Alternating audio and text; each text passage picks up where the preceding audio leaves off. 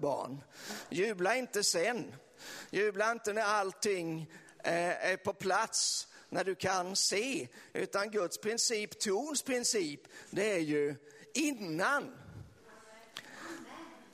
Sa jag det inte att om du trodde skulle du få se. Saliga är de som inte ser men dock tror. Du känner igen de här citaten va? från Johannesevangeliet. Eh, det är liksom Gud som utmanar dig och mig därför att vi är kallade att leva av tro. Och vi är också utrustade för att leva med av tro och i tro. Det är inte så att Gud utmanar oss till någonting som inte är möjligt för oss, utan han har alltid gett oss de bästa förutsättningarna. Men vi ska tänka lite grann kring det här med innan. För jag tror att det kan vara en hjälp för oss. Vi har ju, vi har ju talat om under våren återkommande om eh, två ord som åtminstone jag upplever är lite vägledande eller man skulle kunna använda som rubrik över den tid vi är i nu. Det ena ordet är mirakel och det andra är vittnesbörd. Och nu ska vi tänka vidare lite grann kring detta, eh, fast kanske få ett lite annat perspektiv. Oh, den satt fint. Eh, och då skulle jag vilja eh, säga så här. Man kan vittna innan man vittnar. Man kanske till och med bör vittna innan man vittnar. Och sen har jag, om vi hinner med det, så skulle jag också vilja säga någonting om att innan vi gör Jesu gärningar så behöver vi göra Jesu gärningar. Kan detta på något vis eh, fånga din eh, kuriositet så skulle det ju vara väldigt bra, för det är nämligen eh, det som är meningen. Men jag tänker på, vi, vi utgår ju alltid från Gud, vi utgår från Gudsordet, vi ser på Jesus, han är vårt stora föredöme och exempel. Och då tänker jag att Gud, han vittnade faktiskt innan han vittnade. Och hur tänker jag då? Jag tänker till exempel på det som står i Hebreerbrevets första kapitel, att Gud har talat till oss många gånger och på många olika sätt. Nu har han talat till oss genom sin son. Så Gud vittnade i förväg om det vittnesbörd som skulle komma och som skulle nå, enligt hans plan, alla människor. Det fanns någonting som var nödvändigt av förberedelse för att det som var the real deal, alltså det verkliga ärendet, att det skulle kunna bli verklighet.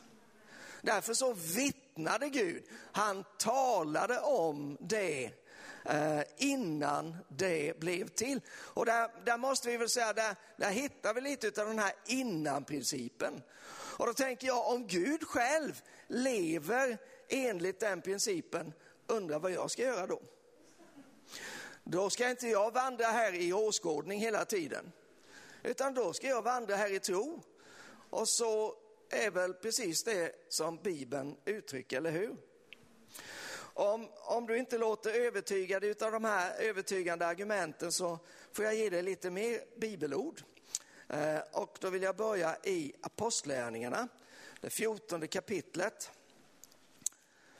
Eh, jag läser Apostlärningarna nu eh, sådär sakta och lite eftertänksamt och läser det, skulle jag vilja säga, med heligandeglasögon och ser vad, vad, vad, vad ser jag den helige ande? Vad, alltså vad är han omnämnd? Det, det är ju jätteenkelt. Men också vad, vad, kan jag se den helige ande verka någonstans i själva berättelserna, i skedet? Och då är det ganska mycket den helige ande. Och det är ju inte undra på, det är ju den helige andes så att säga första bok. Eh, så att eh, han formligen exploderar på varje sida. Men så här står det i, eh, apropå då, förlåt, att Gud vittnar så står det så här i Apostlagärningarna 14 och 17. Ändå har han, och det är Gud här i sammanhanget då, ändå har han lämnat många vittnesbörd om sig själv. Han gör gott, han ger er regn från himlen och skördetider och mättar er med mat och glädje i era hjärtan. Där har Gud vittnat med ett väldigt handgripligt vittnesbörd. Han har visat sig själv i själva skapelsen, i den mänskliga tillvaron. Han gör sig påmind eller mer eller mindre uppenbar eller synlig i sitt verk. Eh, och det där återkommer ju också, eller återkommer, eh, det, det, gör han ju förstås, men jag tänker på det som står, nu blev det ett fel i Romarbrevet i Romarbrevets första kapitel så kan man läsa följande i den tjugonde versen. Ända från värld, ja vi tar vers 19 då, där man kan veta om Gud är uppenbart bland dem eftersom Gud har uppenbarat det för dem. Ända från världens skapelse syns och uppfattas hans osynliga egenskaper, hans eviga makt och gudomliga natur genom de verk han har skapat.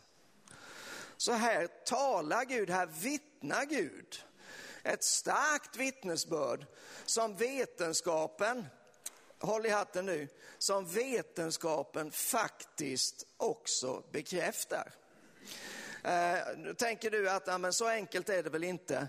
Det finns absolut ingenting i vetenskapen som motsäger, utan allt pekar i samma riktning av att det finns en intelligent varelse bakom den här tillvaron, bakom allt som finns och inte minst i hur allting fungerar.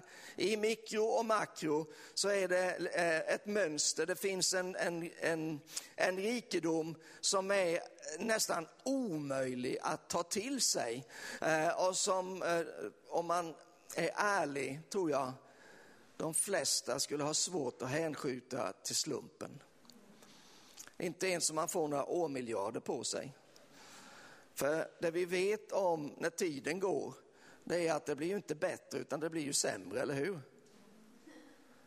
Jag menar, när man blir äldre så funkar inte kroppen lika bra som den gjorde. Så det finns ju en, en klar motsägelse i hela den tanken där om, om eh. Gud vittnade alltså innan han vittnade. Och då tänker jag att om Gud gjorde det, då behöver vi också göra det. Och, och då finns det i frågan, eh, vad är det som detta handlar om då? Jo, jag tror, och vi har ju nämnt om detta flera gånger, att vittnesbörd kan man förstå i två bemärkelser. Det ena är det vi hade förra söndagen, vilket var underbart, eller hur? Jag tror det var sju stycken olika vittnesbörd som gav en sån bred Eh, beskrivning av hur Gud på olika sätt verkar hos oss och genom oss och med oss och för oss i vardagen, i, i mirakelsituationer och så vidare. Det är vittnesbörd och det fantastiska är att du har ett vittnesbörd. Eh, du kanske inte tänker det, för det är alltid någon annan som, som du känner, men det var mycket häftigare och där var mycket större förändring och så vidare. Men ditt vittnesbörd, det är det bästa vittnesbördet just därför att det är ditt. Om du använder det vill säga. Men man kan också förstå vittnesbörd i något annorlunda Ehm, bemärkelse. Eh, och det är det som vi har, eh, jag vet Klara predikade om detta i, kanske i höstas någon gång eller när det kunde vara. Eh, och ehm, det, är, det handlar ju helt sonika om att faktiskt säga det som Gud säger. Och ehm, jag skulle bara vilja peka på ett par bibelord som talar lite grann om detta. Det första hittar vi i första Timoteus brev kapitel 6. Och vers 12. Kämpa trons goda kamp. Det är en kamp, hur många har upplevt det någon gång? Tack för din ärlighet, du som lyfter handen. Eh, kämpa trons goda kamp. Det är i alla fall en god kamp. Är det. Grip det eviga livet som du blev kallad till och som du bekände dig till genom att avge den goda bekännelsen inför många vittnen. Det här relaterar, skulle jag tänka, till eh, Romarbrevet 10, där det står att om du med din mun bekänner Jesus var Herre och i ditt hjärta tror att Gud har uppväckt honom från de döda, då blir du frälst. Och så fortsätter vi. Jag uppmanar dig inför Gud som ger liv åt allt och inför Kristus Jesus som vittnade för Pontius Pilatus med den goda bekännelsen. Här vittnade Jesus inför Pilatus. Om, om vi läser genom evangelierna så ser vi att det var mest Pilatus som skötte snacket. Jesus sa inte alls mycket, men när han fick frågan, är du en kung? Ja. Det var ju inte så svårt, eller hur? Men det var oerhört viktigt att han gjorde det. Att han visste om sin identitet, det fattar vi ju. Men att han i den svåraste stunden höll fast vid det. Han bekände det som Gud hade sagt om honom. Det gjorde han till sina egna ord. Han sa vad Gud sa. Han vittnade tillsammans med Gud. Och det ska du och jag också göra. Vi kan väl ta något mer exempel från skriften. Och då tänker jag på det man kanske först tänker på i det här sammanhanget från Uppenbarelsebokens tolfte kapitel. Och från vers 10. Jag hörde en stark röst i himlen säga, nu tillhör fjälsningen och makten och riket vår Gud och väldet hans moder. För våra bröders åklagare är nedkastad, han som dag och natt anklagade dem inför vår Gud. De övervann honom genom Lammets blod och genom sitt vittnesbördsord. De älskade inte sitt liv så högt att de drog sig undan döden. De vittnade och de vann genom sitt vittnesbörd. Det kan inte bara betyda att ja, men jag, en gång så bad jag till Jesus och då kom Jesus och så hjälpte han mig. Det, det, måste finnas någonting mer i det här vittnesbördet och jag tror att det handlar väldigt mycket om att tala Guds ord. Så vann ju Jesus seger över frestaren i öknen. Han kontrade hela tiden med ordet. Han vittnade tillsammans med Gud. Och här närmar vi oss då detta som, jag, som är min tanke. Att om du och jag kanske brottas, jag kanske är den enda här i lokalen, men troligtvis inte som tycker att ibland är det lite svårt, det är lite utmanande att bara prata med en människa om Jesus. Det är mycket lättare att prata om vädret eller om, om eh, nyheterna eller om den och den musiken, som, musiksmaken som man gillar tillsammans eller i princip vad som helst utom Jesus. Men då tänker jag att om man vittnar innan man vittnar, om man säger det Gud säger, Ja, när jag pratar med människor så har jag eh, eh, lagt, försökt att lägga mig till med en vana. Eh, och det är att flika in något gudsord när jag pratar med dem, i synnerhet om de är, inte är frälsta. Men självklart för de som är frälsta med. Men eh, eh det, det, det är speciellt att vara pastor, bara så du vet. Det är kul och det är hemskt på samma gång. Men en av fördelarna är att när man presenterar sig som pastor så endera blir det tvärtyst eller också ganska ofta så kommer folk och försöka dra upp något bibelord för att imponera sådär. Eller, eller det är ju inte för att imponera, jag var elak nu, men bara för att anknyta. Uh, och jag tror tre gånger så har jag varit med om detta att när, jag, när de har fått reda på, någon har fått reda på att jag är pastor. Och så går det en liten stund och så har de använt det här då. Ja, det är som det står i Bibeln, Gud hjälper dem som hjälper sig själva. Fast det står ju inte i Bibeln. Men det är en sån klassiker, alla tror att det står i Bibeln.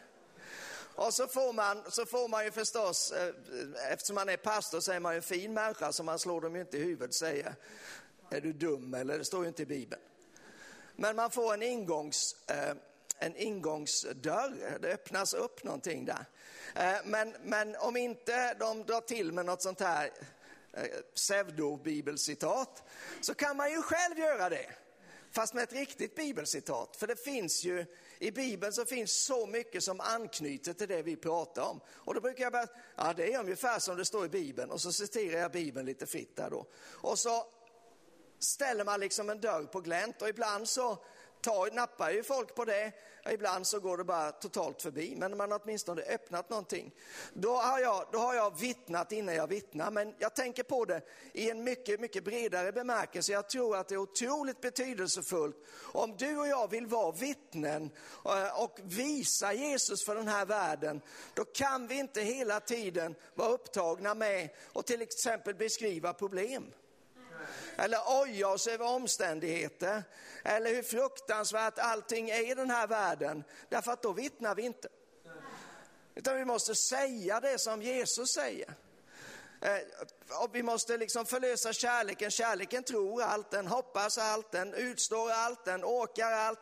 Vi måste vittna innan vi vittnar.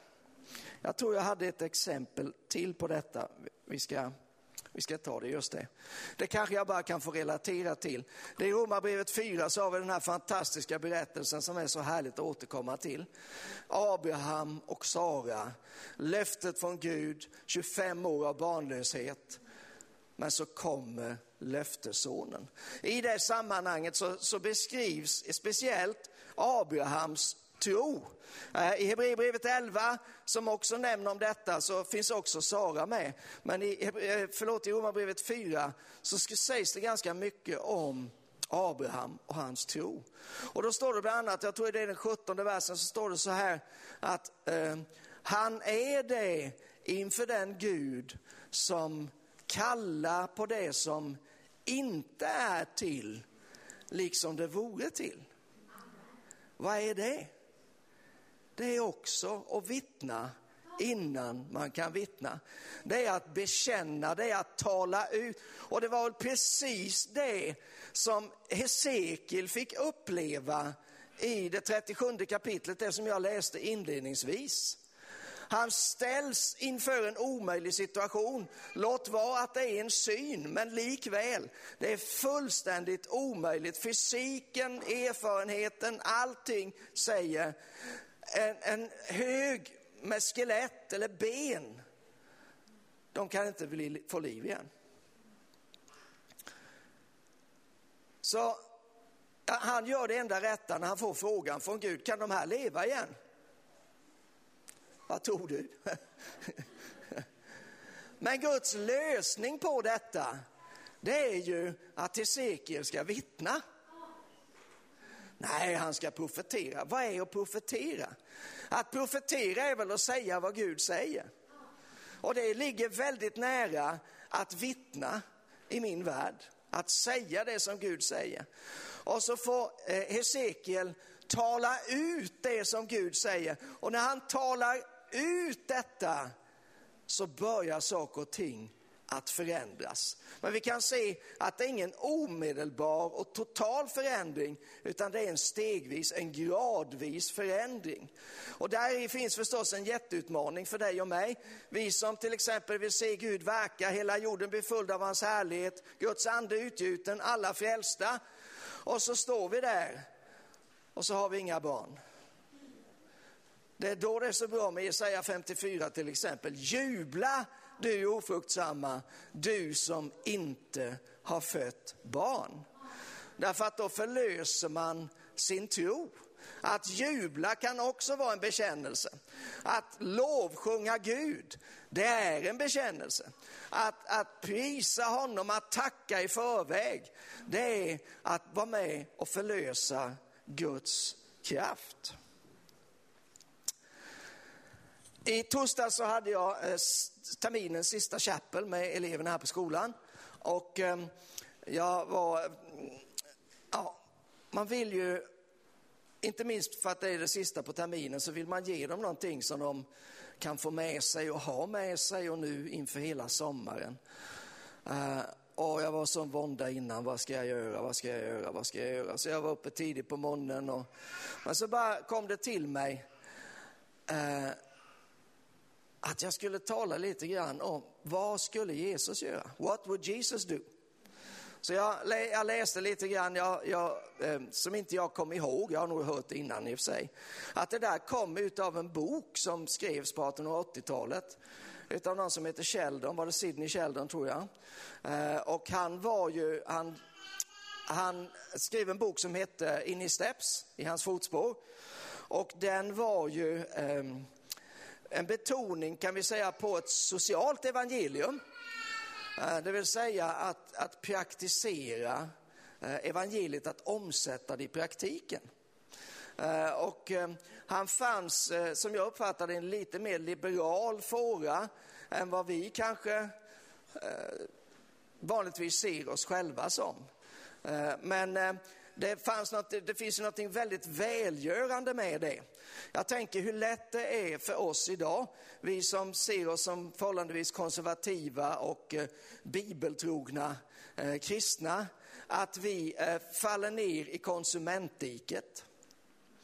Att till exempel när vi går till kyrkan, som idag på förmiddagen när vi gick till kyrkan, att vi tänker att nu ska jag gå och så ska jag få någonting. Medan Bibeln Definitivt. Bibelns Gud är inte en snål Gud, han är en väldigt generös Gud. Och han ger gärna, han ger villigt och utan hårda ord till den som ber honom om, säger Jakob. Men det finns ett väldigt, väldigt fokus på, inte att konsumera, men att producera.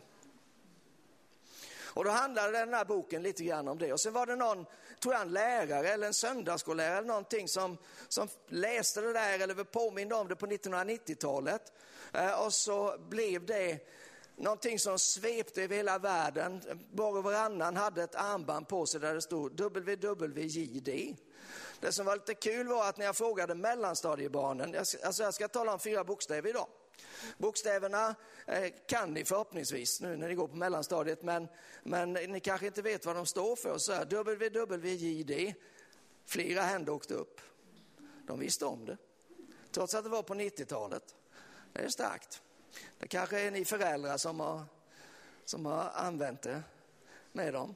Men det finns någonting väldigt, det finns någonting väldigt bra i detta. Och jag tänker på då Eh, att göra, innan man kan göra Jesu gärningar, så kanske man behöver göra Jesu gärningar. Innan. Alltså vi, vi, eh, vi, vi, kan inte hoppa över olika steg, vi behöver ta stegen så i den ordning som, som de kommer då. Och det uppenbara förstås, eh, bibelordet i sammanhanget, vi kan gå dit, det Johannes det, det 14 kapitlet och den tolfte versen.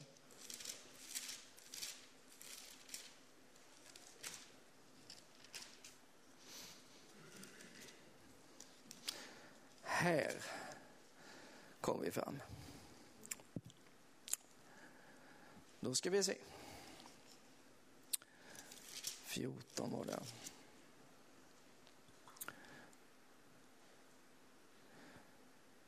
Eh, vi kan ta med vers 11 också, för den, den är bra i detta sammanhanget. Tro mig, jag är i Fadern och Fadern är i mig. Om ni inte kan tro det, tro då för gärningarnas skull. Gärningar kan skapa tro. Eller hur? Vi, vi, vi, brukar inte så ofta tala om det, utan vi talar om att ordet är tro, ord, Tron kommer av predikan och predikan i kraft av Guds ord. Alla känner igen det, tror jag, från Romarbrevets tionde kapitel. Men här säger han, om, om ni inte kan tro att jag är fadern, och han talat om ordet innan där, så tro då för gärningarnas skull. Gärningarna predikar någonting. Och sen fortsätter han då och säger den här versen som jag tror vi älskar men också känner oss väldigt små inför. Jag säger sanningen, den som tror på mig ska göra de gärningar som jag gör och större än så ska han göra. För jag går till Fadern, vad än ni ber om i mitt namn det ska jag göra för att Fadern ska bli förhärligad i Sonen. Om ni ber om något i mitt namn ska jag göra det. Han säger det här i ett kapitel där han gång på gång betonar ordet, ordets kraft. Men vi vet både ifrån eh, Jesu tjänst och vi vet ifrån eh, skriften som helhet att eh, Guds rike består inte i ord, det består i kraft. Tro som inte omsätts i gärningar är död. Så därför är det oerhört betydelsefullt. Men när vi tänker på att göra Jesu gärningar så tänker vi förstås på bota, skjuta, boka, nej, vi tar det från början. Inte boka, skjuta. Bota sjuka, uppväck döda, gör spetälska rena. Det är den typen av, av gärningar vi, vi ser framför oss, eller hur? Men det var ju inte allt som Jesus gjorde. Jesus gick omkring och gjorde gott. Han gjorde gärningar som inte var mirakulösa. Men många gånger så öppnade just de gärningarna upp för det mirakulösa. Och på samma sätt tror jag det fungerar för oss om vi är villiga att göra Jesu gärningar att sträcka oss ut till människor, att se människor, att uppmärksamma, att gå en extra mil, att, att säga hur är läget, att, att sätta sig in i människors situationer. Så blir det mycket lättare att göra Jesu gärningar, att se hans kraft förlöst. När jag talade med barnen här eh, i ehm, i torsdags. Så um, jag tyckte jag fick till det ganska bra. Men sen var det en sak som jag inte hade tänkt på, som jag bara hörde mig själv säga mot slutet. Och tänkte, ja men det var ju detta allting går ut på. Att göra det som Jesus gör. Och det blir, det blir liksom min klo för den här dagen med. Eh, för det är ju så här att om vi vittnar med Gud. Om vi gör Jesu gärningar, vad händer då? Jo, men då vittnar ju Gud med oss. Då gör ju han gärningarna. Det är ju inte vi som gör gärningarna, det är ju han. Och därför att hålla sig i detta så att säga spänningsfält att säga det som Gud säger, att göra det som Gud gör, det hela tiden attraherar Gud och det gör att hans kraft finns tillgänglig, hans angelägenhet. För så är det ju faktiskt, i alla lägen är Gud mer angelägen om en människa än vad du och jag lyckas vara. Vi kan känna oss berörda, vi kan känna att skakar på insidan eh, och allt möjligt då. Men Gud är mycket mer angelägen om. Så vad handlar det om? Det handlar om att vi behöver vittna med Gud och vi behöver göra hans gärningar. Och då är vi de kanaler som han längtar efter att vi ska vara. Och då vill jag bara gå med några bibelord avslutningsvis eh, tillsammans med dig. Eh, och nu vet jag inte om jag har fått dem i en rätt ordning, men vi tar dem som jag har skrivit upp dem. Eh, Markus, det 16 kapitlet. Icke helt obekant. Eh, Jesus har dött, han har uppstått, han har träffat lärjungarna flera gånger. Men han säger, det står så här i den,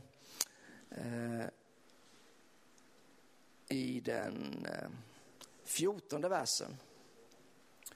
Till slut visade han sig för de elva när de låg till bords och han klandrade dem för deras otro och deras hårda hjärtan eftersom de inte hade trott på dem som hade sett honom uppstånden.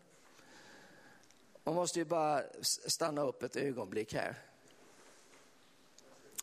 Det är så lätt att sitta här ett par tusen år efteråt och tycka att vilka tröga lärjungar. Här har Maria kommit, här har Petrus och Johannes varit och tittat i graven. Här, och va? Men hur kan de inte tro? Men då måste vi ju först ta den fingern som pekar på de stackarna där och vrida tillbaka den 180 grader så att den pekar på oss själva. För hur är det med oss? Hur lätt är det inte att våra hjärtan är hårda? Hur lätt är det att inte vi tror? De brukar eh, säga med lite nedlåtande, ja, han, han ser Gud överallt. Liksom, allt är Gud, han tackar Gud för det och, och idag regnar det, tack gode Gud för regnet. Och idag, ja, idag är liksom, ja, jag har mat på bordet, tack gode Gud för mat. Alltså vem har det bäst, den som ser Gud i allt eller den som inte ser Gud i någonting? Vilket är mest bibliskt? Vilket är roligast? Va? Men han stannar inte där, han förebrår dem. Men sen säger han till dem i vers 15, gå ut i hela världen, förkunna evangeliet för hela skapelsen. Den som tror och blir döpt ska bli frälst, den som inte tror ska bli fördömd. Dessa tecken ska följa dem som tror. I mitt namn ska de driva ut onda andar, de ska tala nya tungomål, de ska ta ormar med händerna och dricker de något dödligt gift ska det inte skada dem. De ska lägga händerna på sjuka och de ska bli friska. En del menar ju att det där handlar om kaffe, men det tror jag inte. Eh, men i vilket fall så var det detta som Jesus sa, sa till dem. Och sen kommer det vers 19. När Herren Jesus hade talat till dem togs han upp till himlen och satte sig på Guds högra sida. Och de gick ut och predikade överallt. De vittnade tillsammans med Gud. Och Herren verkade tillsammans med dem och bekräftade ordet genom de tecken som åtföljde det. Herren verkade tillsammans med dem och bekräftade ordet. Den som håller på med, med grekiskan eh, eller har varit på tillräckligt många möten vet att man brukar eh, göra en distinktion när det gäller ord i grekiskan. Det finns eh, grundläggande två olika ord som används för ord. Eh, och det ena är logos. Och logos det är ord i allmänhet. Eh, och det andra är rema. Rema är det ord som man har fått ett särskilt ljus för, som Gud har uppenbarat, som liksom är levande för en. Gissa vilket ord som står här? Där Herren bekräftade ordet. Nej, det är det det inte gör, utan det står logos. Så det var inte ens det, ja, jag har en särskild uppenbarelse jag ska dela med dig nu och nu blir det starkt här, håll dig i stolen. Utan det är logos. Det var ordet i sig som Gud bekräftade. Du var inte ens tvungen att ha en specialuppenbarelse i det för att kunna dela det. Utan bara läs som det står och så kan du tro som det står. Och då får du som det står. Amen. Så går det till. Vill du ha några mer bibelord? Ja, det vill du förstås. Mm, man kan aldrig få nog. Eh, då ska vi gå till Hebreerbrevets andra kapitel. Vi var ju i första kapitlet där inledningsvis. Nu tar vi oss framåt här. Och vi går till Hebreerbrevet 2 och det måste ju vara på det hållet.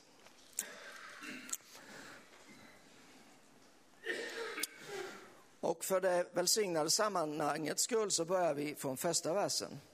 Därför måste vi så mycket mer ta vara på det vi har hört så att vi inte driver bort med strömmen. Har det någonsin funnits en stark ström i den här världen bort från Gud så tror jag att det är nu. Alltså på riktigt. Därför bör vi så mycket mer ta vara på det vi har hört. För om redan det ord som gavs genom änglar stod fast och varje överträdelse och olydnad fick sitt rättvisa straff, hur ska då vi kunna komma undan om vi inte bryr oss om en sån frälsning? Den förkunnades först av Herren, bekräftades sen för oss av dem som hade hört honom. Även Gud gav sitt vittnesbörd. Tänk att Gud är i vittnesbördsbranschen med. Han ber ju aldrig oss att göra någonting som inte han gör själv. Utan han säger bara att vi följ mig, så ska jag göra er till människofiskare. Även Gud gav sitt vittnesbörd och titta hur han gjorde det nu. Genom tecken och under och olika kraftgärningar och genom att dela ut den helige ande efter sin vilja. Här skulle vi kunna eh, stanna och bygga en hydda eh, som på förklaringsberget. Men eh, den versen har väldigt mycket att säga till oss tror jag. Men det vi tar med oss just nu och här, det är ju att när vi vittnar, då vittnar Gud då förlöser han sin kraft. Om vi, om vi talar om Jesus, om vi säger vad Gud säger, då säger vi inte det varken ut i ett vakuum eller från ett vakuum, utan vi säger det och Gud själv backar upp sitt ord. Han låter det få bli verklighet. Apostlagärningarna, det fjortonde kapitlet. Som sagt var, jag hänger mycket i apostlärningarna i nuläget. tycker det är fint där. Och då ska vi läsa den tredje versen. Paulus och Barnabas stannade där en längre tid och talade frimodigt i förtröstan på Herren som bekräftade sitt nåderika ord genom att låta tecken och under ske genom deras händer bekräftade det ordet där på grekiskan är maturia som betyder vittnesbörd eller vittne. De talade frimodigt i förtröstan på Herren. Förtröstan, vad är det? Det är tro.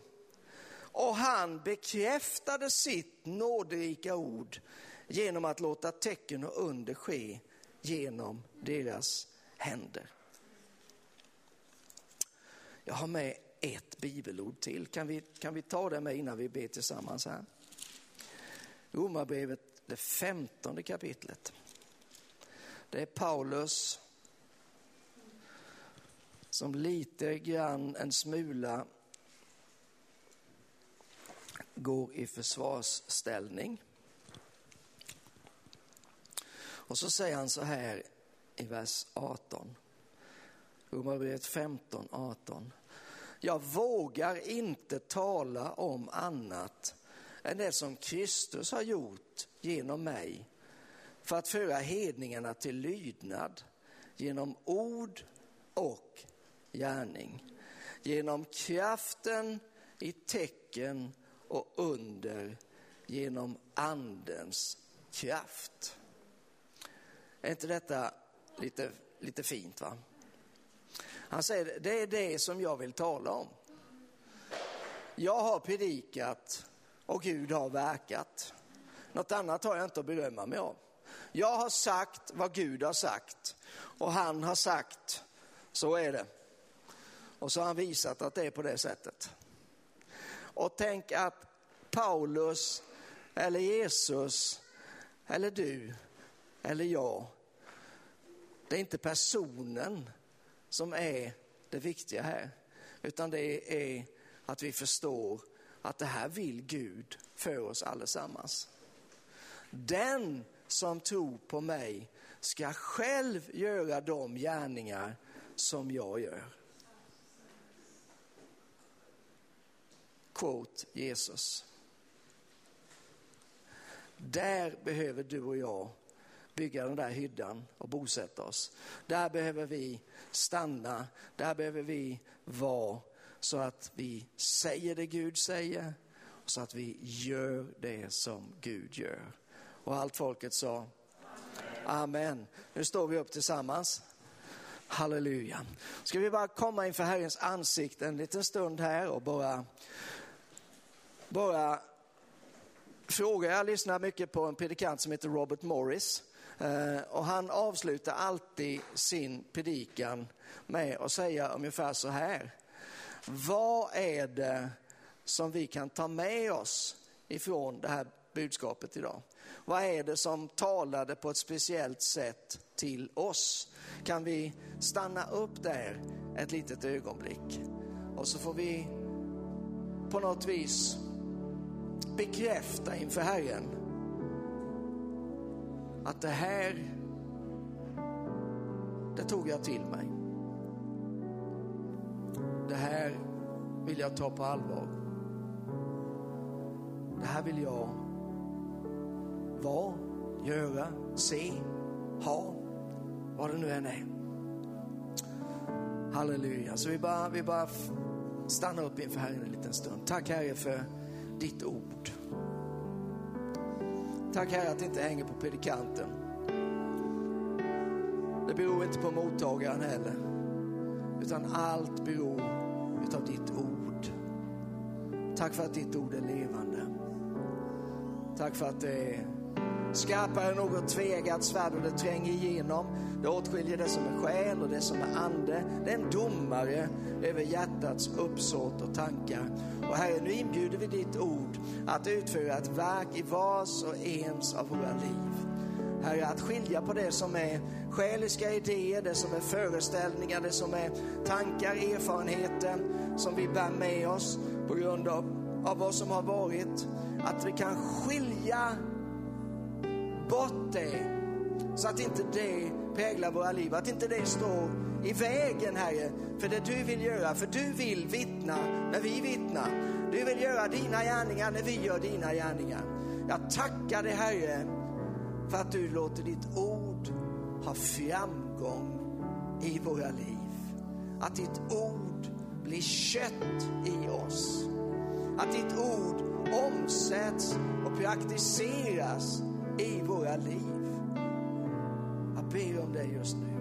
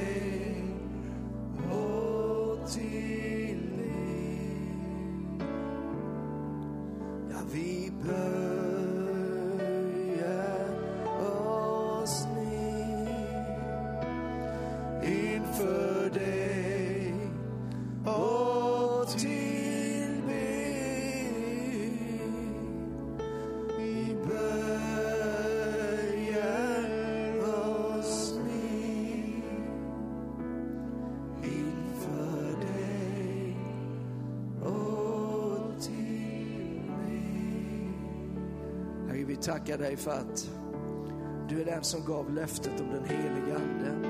Att när den heliga Ande kommer över oss ska vi få kraft Jag tackar dig Herre för din mirakelkraft finns tillgänglig. Den är inte för en annan tid, för en annan plats, för andra omständigheter. Den är inte begränsad av det som begränsar oss. Utan din mirakelkraft, den finns här.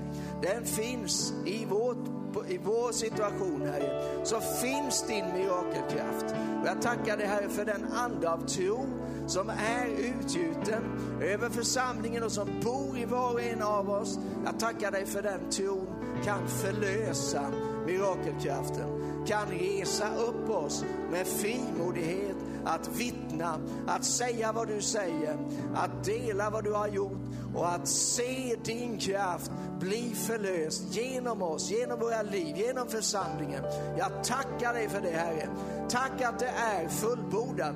Tack att detta inte handlar om en, en avlägsen framtid. Tack att detta inte eh, talar om eh, en annan situation med andra förutsättningar. Utan just nu och just här så är du den som har all makt både i himlen och på jorden. Just nu och just här så måste knän böja sig för kraften i ditt namn. Just nu och just här, nu här så vill vi med våra tungor bekänna att det är du Jesus som är Herre. Det är du som är Herre. Vi ger den goda bekännelsen här och nu att vi tillhör dig, vi följer dig, vi tror på dig, vi ser dig, vi, vi vet att du kan allt Herre. Halleluja, du är vår Herre.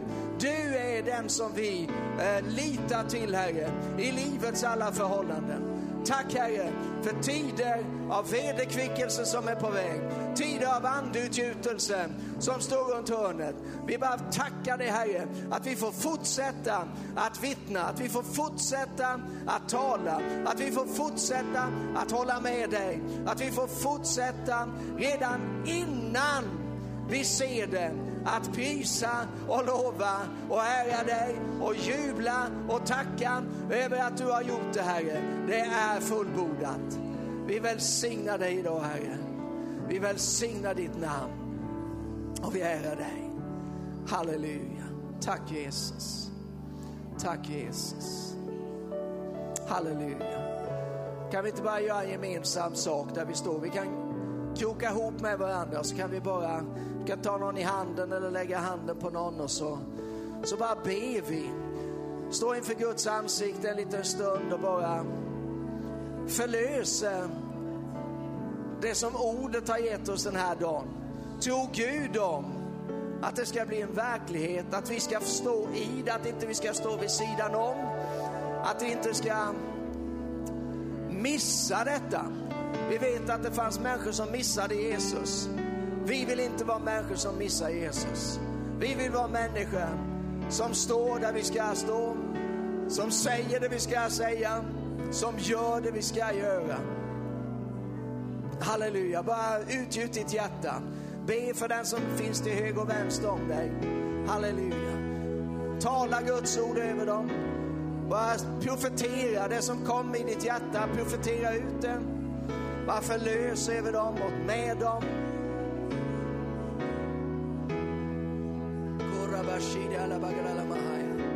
Halleluja. Åh, vi fortsätter att be lite till. Halleluja. Det här är, det här är en... Det är precis som att sätta sladden i, i väggen. Du vet, där finns kraft. Det finns kraft i de där två hålen i väggen. Det är bara att koppla in den. Och nu har du kopplat samman med bröder och systrar på, som finns runt omkring dig. Halleluja, och nu finns förutsättningen, nu kan kraften flöda. Låt kraften få flöda. Låt smörjelsen komma just nu. Det är ok som bryts. Det är dörrar som öppnas. Det är hinder som flyttas på. Åh, det är lögner som avslöjas. Det är lögner som avslöjas. Halleluja. Åh, säg vad Gud säger. Säg till dem, du är Guds utvalda. Du är Guds älskade. Du är Guds favorit. Du är Guds kallade. Åh, du är Guds ögonsten. Man talar ut vad Gud säger över din broder och syster. Halleluja. Tack Herre, tack Herre, tack Herre, tack Herre. Åh, fortsätt, fortsätt, fortsätt, fortsätt. Tack Jesus. Tack Jesus. Koramashida. Tack Jesus. Halleluja. framför skärmen. Du kanske sitter alldeles ensam och du säger det här funkar inte för mig. Men vet du vad? Gud är där du är. Jesus är på din sida. Vad två eller tre kommer överens och ber om, det är en verklighet. Så kommer du överens med Jesus och så ber du, så har det ingen betydelse att du sitter där alldeles själv och kanske känner dig till och med övergiven och, och bortglömd. Du är inte bortglömd. Jesus ser dig, Jesus tror på dig, Jesus är med dig.